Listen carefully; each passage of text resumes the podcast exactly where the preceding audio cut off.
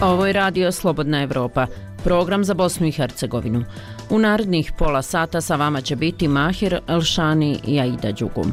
Želimo vam dobar dan. Srijeda je 28. februar, vijesti dana. Osobe sa invaliditetom blokirale ulaz u gradsku upravu Banja Luka.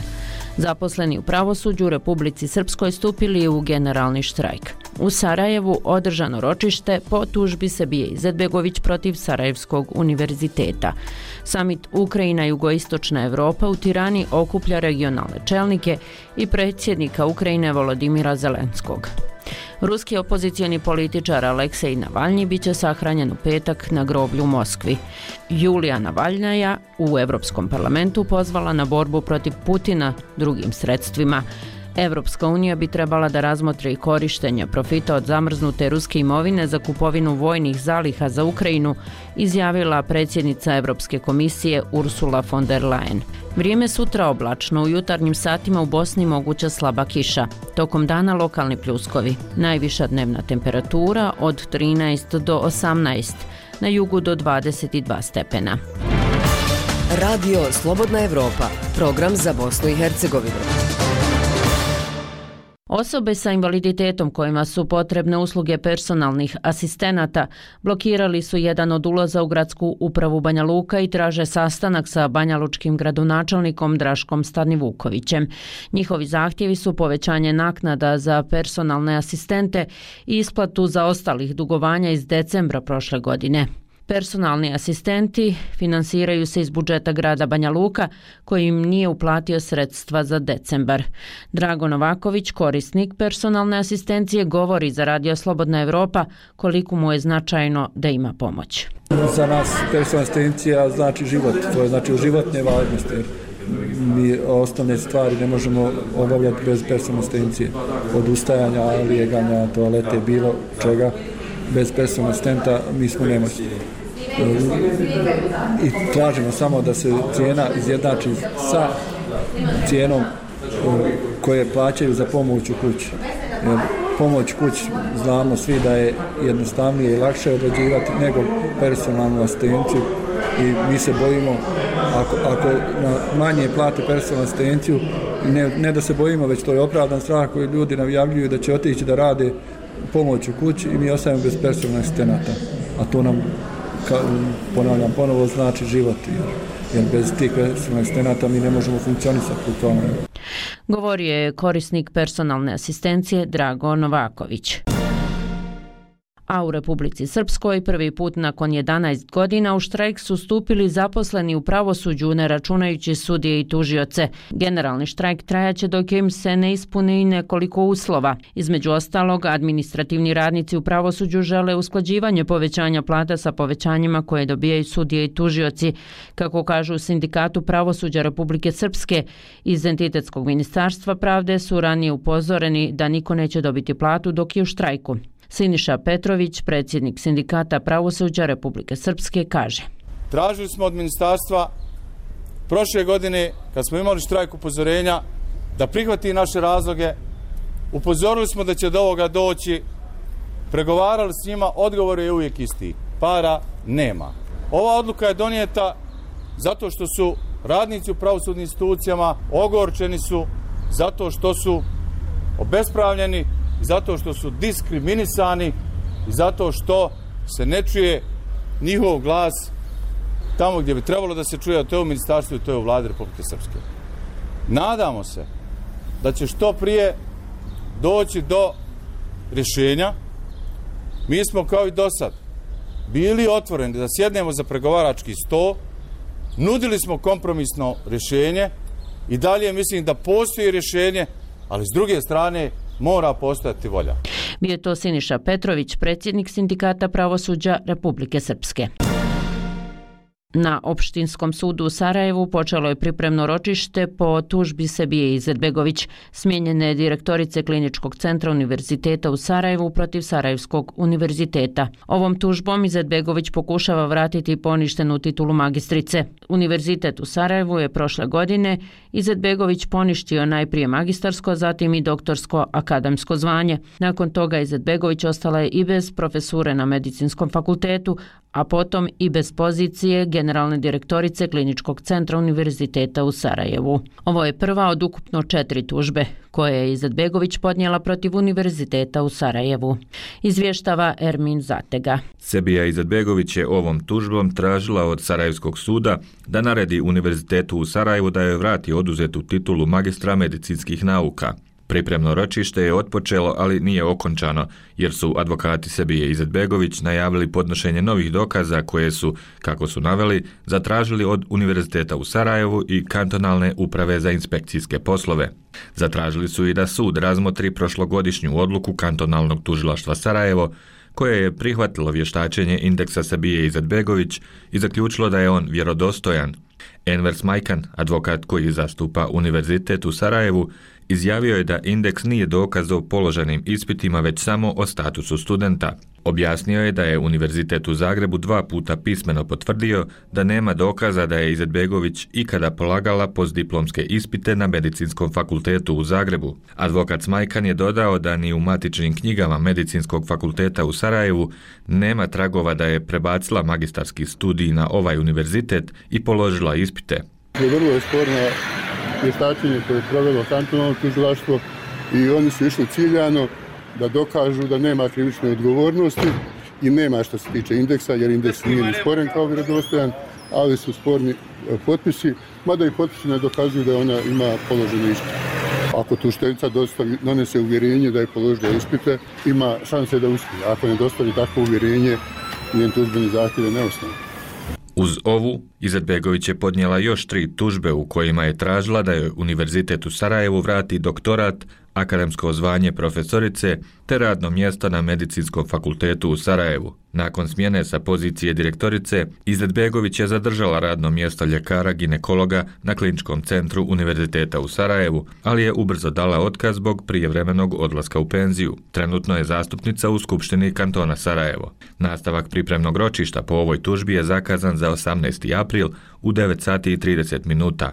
Advokati su nakon ročišta izjavili da ovakvi sporovi na domaćim sudovima traju između 3 i 6 godina. Za Radio Slobodna Evropa, Ermin Zatega. Svjetski dan rijetkih bolesti udruženja oboljelih u Federaciji BiH koriste da ponovo apeluju na potrebu sistemskih rješenja za odgovarajuću zdravstvenu zaštitu. Mada je krajem prošle godine u Federaciji BiH urađen iskorak uvrštavanjem lijeka Kaftrio za oboljele od cistične fibroze, još uvijek rijetke bolesti nisu definisane zakonom. Pristup lijekovima i zdravstvenoj zaštiti razlikuju se od kantona do kantona a razlog za dodatnu zabrinutost udruženjima vide u nedovoljnim sredstvima planiranim ovogodišnjim federalnim budžetom. Više u prilogu Azre Bajrić. Sadeta Drakovac majka je dvoje djece sa dijagnozom rijetke bolesti fenilketonurije. Ono kroz šta je prolazila u proteklih 12,5 godina koliko ima dječak, a posljednjih šest i sa djevojčicom ilustruje svu težinu i ograničenost sistema u BiH koji rijetke bolesti ne prepoznaje teško je bilo ovaj, se suočiti sa samom dijagnozom i prihvatiti da je to tako. I onda dolazimo na taj financijski problem kad mi nemamo u našoj državi te hrane, nemamo ničega da moramo nabavljati van granica. Na početku uopšte nije ni postojala ni šansa, niti prostor za tu refundaciju, kasnije je to išlo nekim tokom, ali nažalost opet se čekalo mjesecima, mi nismo mogli smo morali to jednostavno bezbijeti svaki mjesec da dijete ima svaki dan da popije količinu formule koja djetetu treba. Sadeta živi u Sarajevu što je olakšavajuća okolnost jer je to jedini kanton koji finansira lijek od prošle godine dok u ostalim kantonima roditelji moraju ili u cijelosti plaćati ili dijelom refundira Zavod zdravstvenog osiguranja. Ostalo neophodno oboljelima nema niko osigurano. Zapravo to njima nužno i neophodno da bi preživjeli i to je specijalno brašno zamjena za jaja, mlijeko. tjestenine tu ovaj nisu jer smatraju to hranom, a ne lijekom. Zapravo mi drugog lijeka trenutno nemamo. To je znači jedino lijek da se djeca pridržavaju te niskoproteinske dijete i da se ovaj radi redovno ovaj nalazi. Jedini lijek koji je dostupan pod istim uvjetima u cijeloj federaciji od prije nekoliko mjeseci je Kaftrio. Prima ga 12 pacijenata oboljelih od cistične fibroze u federaciji BiH. Elvira Muhić, predsjednica udruženja oboljelih. Prije evo dolaska ovog sad već poznatog lijeka Kaftrio imali smo dostupnu terapiju za cističnu fibrozu, ali se strašno razlikovala od kantona do kantona. Do takve mjere da, evo, djeca u kantonu Sarajevo imala su svu potrebnu terapiju putem elektronskog recepta, dok u Unsko-Sanskom kantonu svaki mjesec su roditelji morali prikupljati dokumentaciju, slati na komisiju i čekati odobrenje kako bi dobili lijekove za svoju djecu. Kao razlog za dodatnu zabrinutost u udruženjima vide u nedovoljnim sredstvima planiranim ovogodišnjim federalnim budžetom. Hasmir Delić, predsjednik Saveza za rijetke bolesti Federacije BiH. Nedovoljan iznos kako bi se smanjila lista čekanja. Lista čekanja za teška oboljenja čije se liječenje finansira Fondom solidarnosti je oko 1700 pacijenata, od čega jedna trećina osobe bolje od rijetkih bolesti. Naglasit ću da tu dolazi do slučajeva kada pacijenti umru prije nego što dočekaju lijek. Zbog toga smo izrazili negodovanje. Kako bismo bili bez tih lista čekanja, godišnja potreba se pređe oko 120 i nešto miliona maraka samo za, za rijetke bolesti u federaciji. Bez sistemskog rješenja i uvrštavanja u zakon, ističu u Savezu, nema ni pomaka u osiguranju kvalitetnije zdravstvene zaštite oboljelih od rijetkih bolesti. Za Radio Slobodna Evropa, Azra Bajrić. Radio Slobodna Evropa. Imamo zajedničku viziju, slijedimo svoju misiju.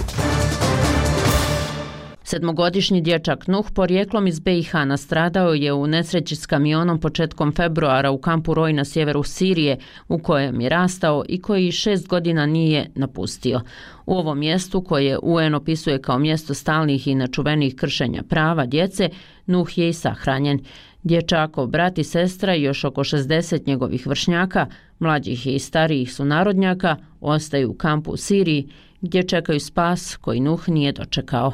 Priča Melihe Kečmer. Nuh je preselio, rekla je Dina Mulalić drhtavim glasom u glasovnoj poruci ocu koju je poslala početkom februara iz kampa Roj na sjeveru Sirije on je inšala u džennetu, džennetska ptičica. Kazala je o svome sinu, dječaku od sedam i pol godina, objašnjavajući kako je nastradao u nesreći s kamionom u ovom kampu u kojem su osim raseljenih sirijaca osobe, uglavnom žene i djeca, koji su živjeli na teritoriji takozvane islamske države. Među njima i državljanke BiH s djecom koje godinama čekaju na repatriaciju, u čemu BiH vlasti oklijevaju. 34-godišnja Edina je u zatvorenom kampu koji kontroliraju kurdske snage. Stroje djece je tamo već šest godina, otkako je grupa koju su Ujedinjeni narodi proglasili terorističkom teritorijalno poražena u Siriji i Iraku. Edinin otac Edo Mulalić iz Bužima na sjeverozapadu BiH nikada nije uživo vidio svoga unuka Nuha, rođenog u Siriji. Za njegovu smrt saznao je kad se Edina javila iz kancelarije u kampu Roj. Oni su ga već ponijeli u deku i otišli smo u bolnicu. Međutim, on je već bio preselio Znači kamion ga, oni su, djeca su trča, tu gdje je stavio kamion, oni su se hvatali za kamion i kamion je nazad valjda krenuo, nije namjerno čovjek i udarlo ga, kamion ga udario i on je podletio po U bolnici su već rekli da je on bio preselio. Mi smo se vratili, ogasolili ga. Ima i sestre koje znaju, ogasolili ga, ukupali ga. Alhamdulillah, tijelo mu nije ništa. Ima tragove od auta, od točka i, i, i u glavu. Krv mu je išla na uho, ali ali je lijep bio i... Na papiriću koji je djedu u Bužimu poslala kurdska uprava Kamparoj fotografiranom mobitelom na arapskom piše Dijete Nuh stiglo je na odjel hitne pomoći bolnice Al Hayat područje Mabada u 13.20. 1. februara 2024. godine.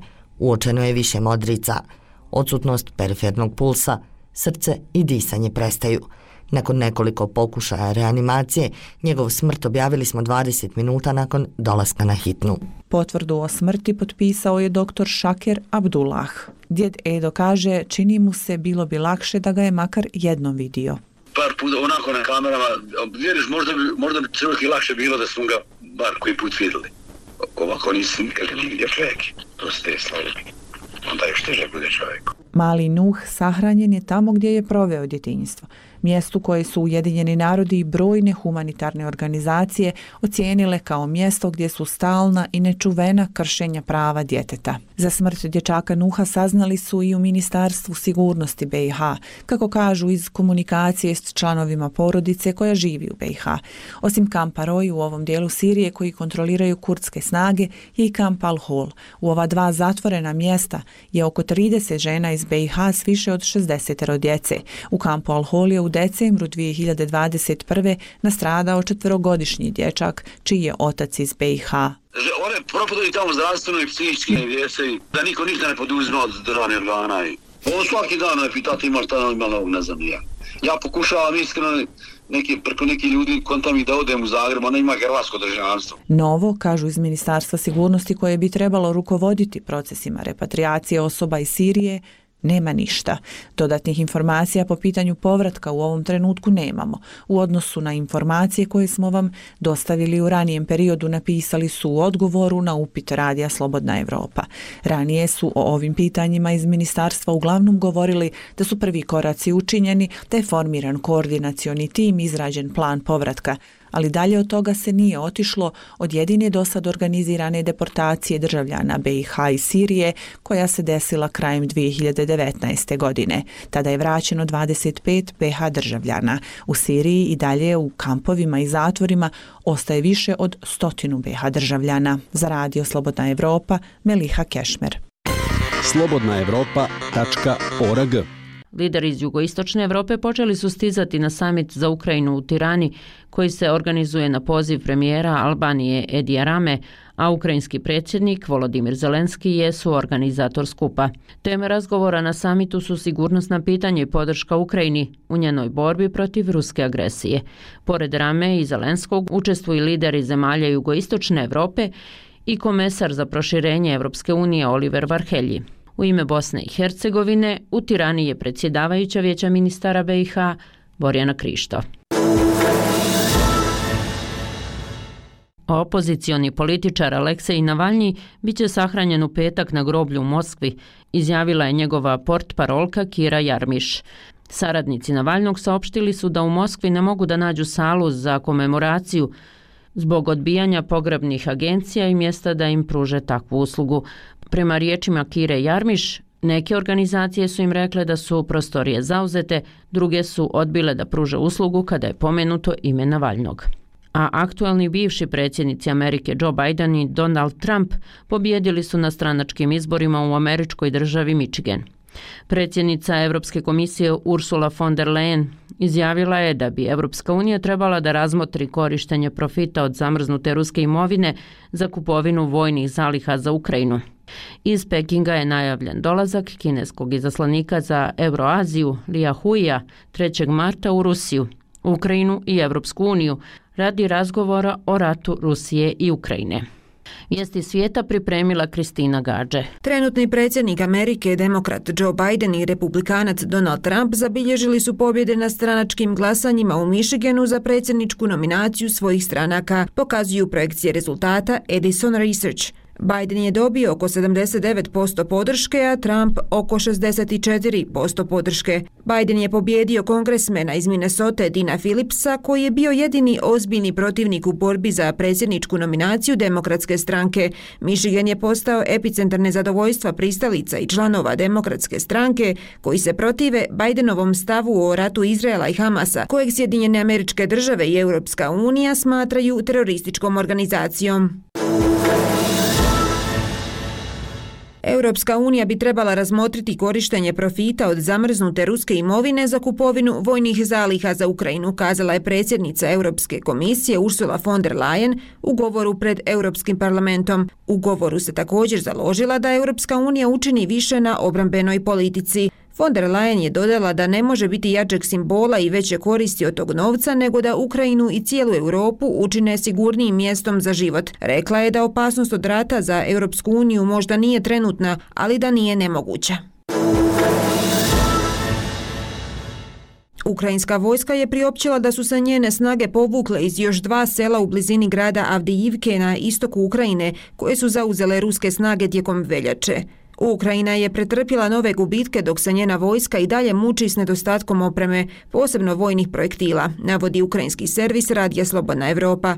Ukrajinske trupe povukle su se iz stepove i sjeverne, koje se nalaze zapadno od Avdijivke, rekao je glasnogovornik ukrajinske vojske Dmitro Lihovi. On je dodao da je Rusija pretrpjela značajne gubitke u teškim borbama. Rusko ministarstvo obrane priopćilo je da je zauzelo severnu i da su njegove trupe zauzele povoljnije linije i položaje i napale ukrajinske trupe i opremu u blizini sjeverna i stepove, kao i još jedno naselje, Lastočkine, za koje je Kijev objavio da su se njegove trupe i odatle povukle.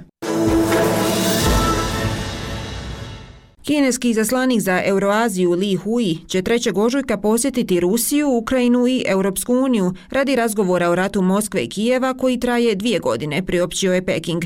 Kako se navodi u priopćenju Kineskog ministarstva vanjskih poslova, turneja će biti drugi krug šatl diplomatije u traženju političkog rješenja ukrajinske krize. Li će također otići u Francusku, Njemačku i Poljsku. Kina je priopćila da je najhitnija stvar u ovom trenutku da se uspostavi mir. Prošle godine Li je posjetio Europu u okviru napora da posreduje u sukobu, održavši razgovore u Moskvi, Kijevu i nizu europskih prijestolnica. Iako Kina kaže da je neutralna strana u ukrajinskom ratu, Peking je pod kritikom zbog odbijanja da osudi Moskvu zbog invazije na Ukrajinu. Za Radio Slobodna Evropa, Kristina Gađe. Slušate Radio Slobodna Evropa.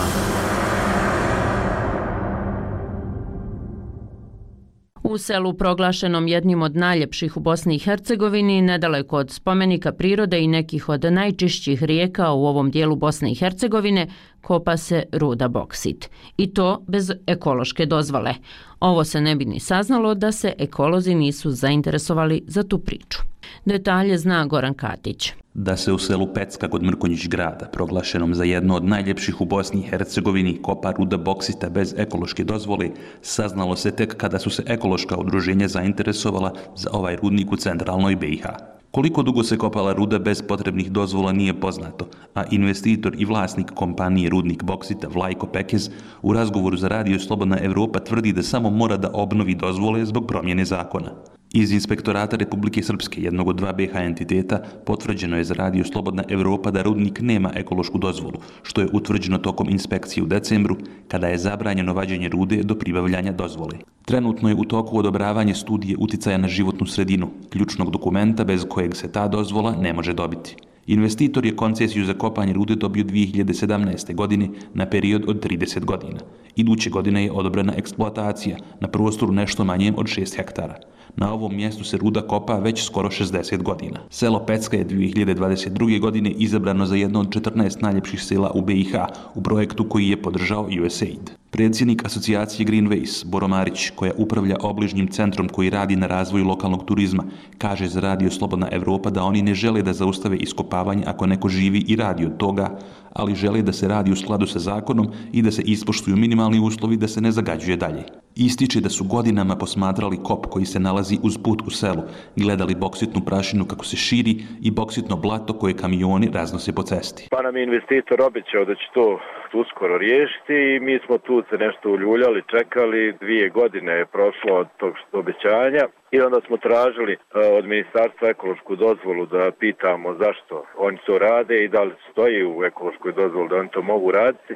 Na kraju se ispostavilo da uopšte nemaju ekološku dozvolu. Nakon toga, u dopisu nadležnim organima su tražili da investitor ispoštuje neophodnu zakonsku proceduru. On kaže da mještani ne žele da komentarišu rudnik, jer u selu uglavnom živi starije stanovništvo naviknuto na njega ili oni koji su tu zaposleni. Vlajko Pekez, vlasnik rudnika Boksita, u izjavi za radio Slobodna Evropa tvrdi da je rudnik imao ekološku dozvolu po starim standardima i ta dozvola se produžava, odnosno treba da se uskladi sa novim. Pekez ističe da rudnik ne vadi velike količine boksita, te da ne rade za aluminijsku industriju, već za, kako kaže, cementaru Split i željezaru Zenica. On tvrdi da rudnik ne zagađuje nikog, te da čak na tom području imaju voćnjak na kojem gaje šljive, Dodaje da trenutno, zbog zimske pauze, ne kopaju rudu. Nacrt studije uticaja na životnu sredinu je do 1. marta na javnom uvidu u opštini Mrkonjić grad. U tom dokumentu je navedeno da rudnik okolinu najviše zagađuje prašinom, izduvnim gasovima mašina, bukom, degradacijom zemljišta i otpadnim vodama. Ipak navodi se da se provođenjem predloženih mjera zaštite uticaj na okolinu može značajno smanjiti. Predstavnici Banja Lučkog centra za životnu sredinu su prisustvovali javnoj raspravi i dali svoj komentar na nacrt studije. Dragan Ostić iz ovog centra ističe za radio Slobodna Evropa da je na lokaciji potreban čest nadzor i izlazak rudarskih inspektora na teren. Dobar dio naših komentara ticao se upravo, upravo voda, potrebe da se vode sve više zaštite. Naš komentar se također ticali same buke koja je, gdje god se nalazi rudnik u bilo kakvom selu, narušava mir, koji je jedna od esencijalnih stvari zbog kojih ljudi žive u selima. Tiče se također i vazduha, tiče se također, naš komentar se tiču i same kontrole nad saobraćajnicama na koje izlaze ti kamion. Nešto više od 3 km od kopa nalazi se izvor rijeke Sane, koji je u oktobru 2021. godine zajedno sa okolinom proglašen za spomenik prirode. U nju se uliva rijačica Korana, samo 350 metara udaljena od rudnika. Prema zvaničnim mjerenjima, radi se o jednoj od najčistijih rijeka u Republici Srpskoj. Boro Marić ističe da rijeke trenutno nisu ugrožene. Prvobitni plan investitora, protiv kojeg su se oni pobunili, bio je da se napravi cijev koja bi otpadne vode sprovodila u Koranu. Asocijacija Greenways, na čijem je on čelo, upravlja lokalnim centrom za posjetioce, koji je polazna tačka za posjete izvoru sane, planinarenje i vožnju biciklima u netaknutoj prirodi. Centar se nalazi u nekadašnjoj seoskoj školi, a njegova obnova je započeta 2014. godine sredstvima Evropske unije, kada ga je asocijacija iznajmila od opštine Mrkonjić grad. Za radio Slobodna Evropa iz Banja Luke, Goran Katić. Zanima vas što se dešava u regiji? Radio, TV, video. Sve možete naći na slobodnaevropa.org. Zimski dio međunarodne konferencije Kragujevac Komin Con protekao je znaku stripa Zagonetač godina prva koji Stefan Subić radi za američki DC Comics. Zagonetač je bio narativna prethodnica filmu Batman iz 2022. koju je osmislio glumac i scenarista Paul Dano i povjerio je Zrenjanincu Subiću. Sa njim je razgovarao Branko Vučković. Američki DC komik je jedan od najvećih i najzahtevnijih izdavača stripova u svetu i zbog toga se do ugovora sa njim veoma teško stiže. Stevana Subića, strip umetnika iz Zrenjanina DC-u su pored njegovog talenta i kvaliteta preporučili i minuli rad i upornost. Ako je nešto dobro i ako se u to veruje i ide se tim putem, a, ja istinski verujem da, da to uvijek najđe na pravo, a, na pravo osobu u jednom trenutku. A, moj portfolio je bio u, u DC-u zbog nečega što smo radili nekoliko godina uoči toga, na jedan kolega i ja, nudili smo neku ideju, ta ideja međutim nije prošla, ali su urednici u DC-u sačuvali su moj dizajn, moje radove. A, I onda su jednostavno kada je trenutak došao da se priča o Rilderu, o zagunetaču, oni potegli tu galeriju mojih rešenja i, i jednostavno su mi uzeli u razmatranje. Subić je pre DC-a crtao za najpoznatije francuske i italijanske izdavačke kuće, gde je stekao značajno iskustvo, koje mu je sada dobrodošlo za realizaciju ovog velikog američkog projekta. Na prvo mjesto istinska škola, najveća moguće koju bilo koji umetnik vizualni može da, može da ima. Da, na prvo mjesto ti ljudi, shodno svojim školama, svojim pristupima ovoj umetnosti imaju svoje granice i svoje, e, svoje potrebe, svoje naravi i tako dalje, svoje estetike i vi učite hteli ne hteli, radit sa njima o tome. I kad radite sa svim tim izdavačima u toliko različitim e, kulturama i, i osnovno svojom čak i društvenim uređenjima, a vi učite i kombinujete ih u jedan svoj autentičan stil koji kao kombinacija tih znanja njihovih na kraju se postavi kao e, vrlo važna tržišna prednost e, u ovoj industriji. Govoreći o položaju domaćeg stripa, Subić je ocenio da se strip tržište polako obnavlja i da se formira nova strip publika, čemu značajan doprinos daju i manifestacije poput Međunarodne strip konferencije u Kragujevcu. Na pitanje radija Slobodna Evropa o angažovanosti stripa u današnje vreme i njegovom eventualnom uticaju na rešavanje problema pijaće vode sa kojim se već dve decenije susreće Zrenjanin, grad u kome živi i radi. Subić je odgovorio. Da bi se razvilo to da čitavci stripa prate strip na tom nekom političkom nivou, tipa da bivaju angažovani u, u drevno političkim temama, bilo bi potrebno malo više vremena da se razvije publika tog tipa. A, ali ne mislim da publika ne postoji trenutno, već a, nisu se, e, ta veza između publike i te vrste stripova je prekinuta tokom 90-ih i nije se uspostavila do danas nazad. Da bi se uspostavila, potrebno da neko počne da radi to. I taj strip bi sigurno doprao do ljudi koji imaju tu vrstu potrebe da to čitaju i da se povezuju sa tim narativima. Ubeđen sam u to, samo što nema i danas jer možda ne postoji smelost da se bave ljudi tim temama na taj otvoren način. Radio Slobodna Evropa, Branko Vučković. Slušali ste emisiju Radija Slobodna Evropa za Bosnu i Hercegovinu. Sve naše sadržaje možete naći na web stranici slobodnaevropa.org. Dok podcaste za vir ispod površine glasom mladih između redova, osim na web sajtu potražite i na Facebooku i Twitteru, kao i na Spotify, Google podcastima i iTunesu. Sa vama su u proteklih pola sata bili Mahir Alšani i Aida Đugum.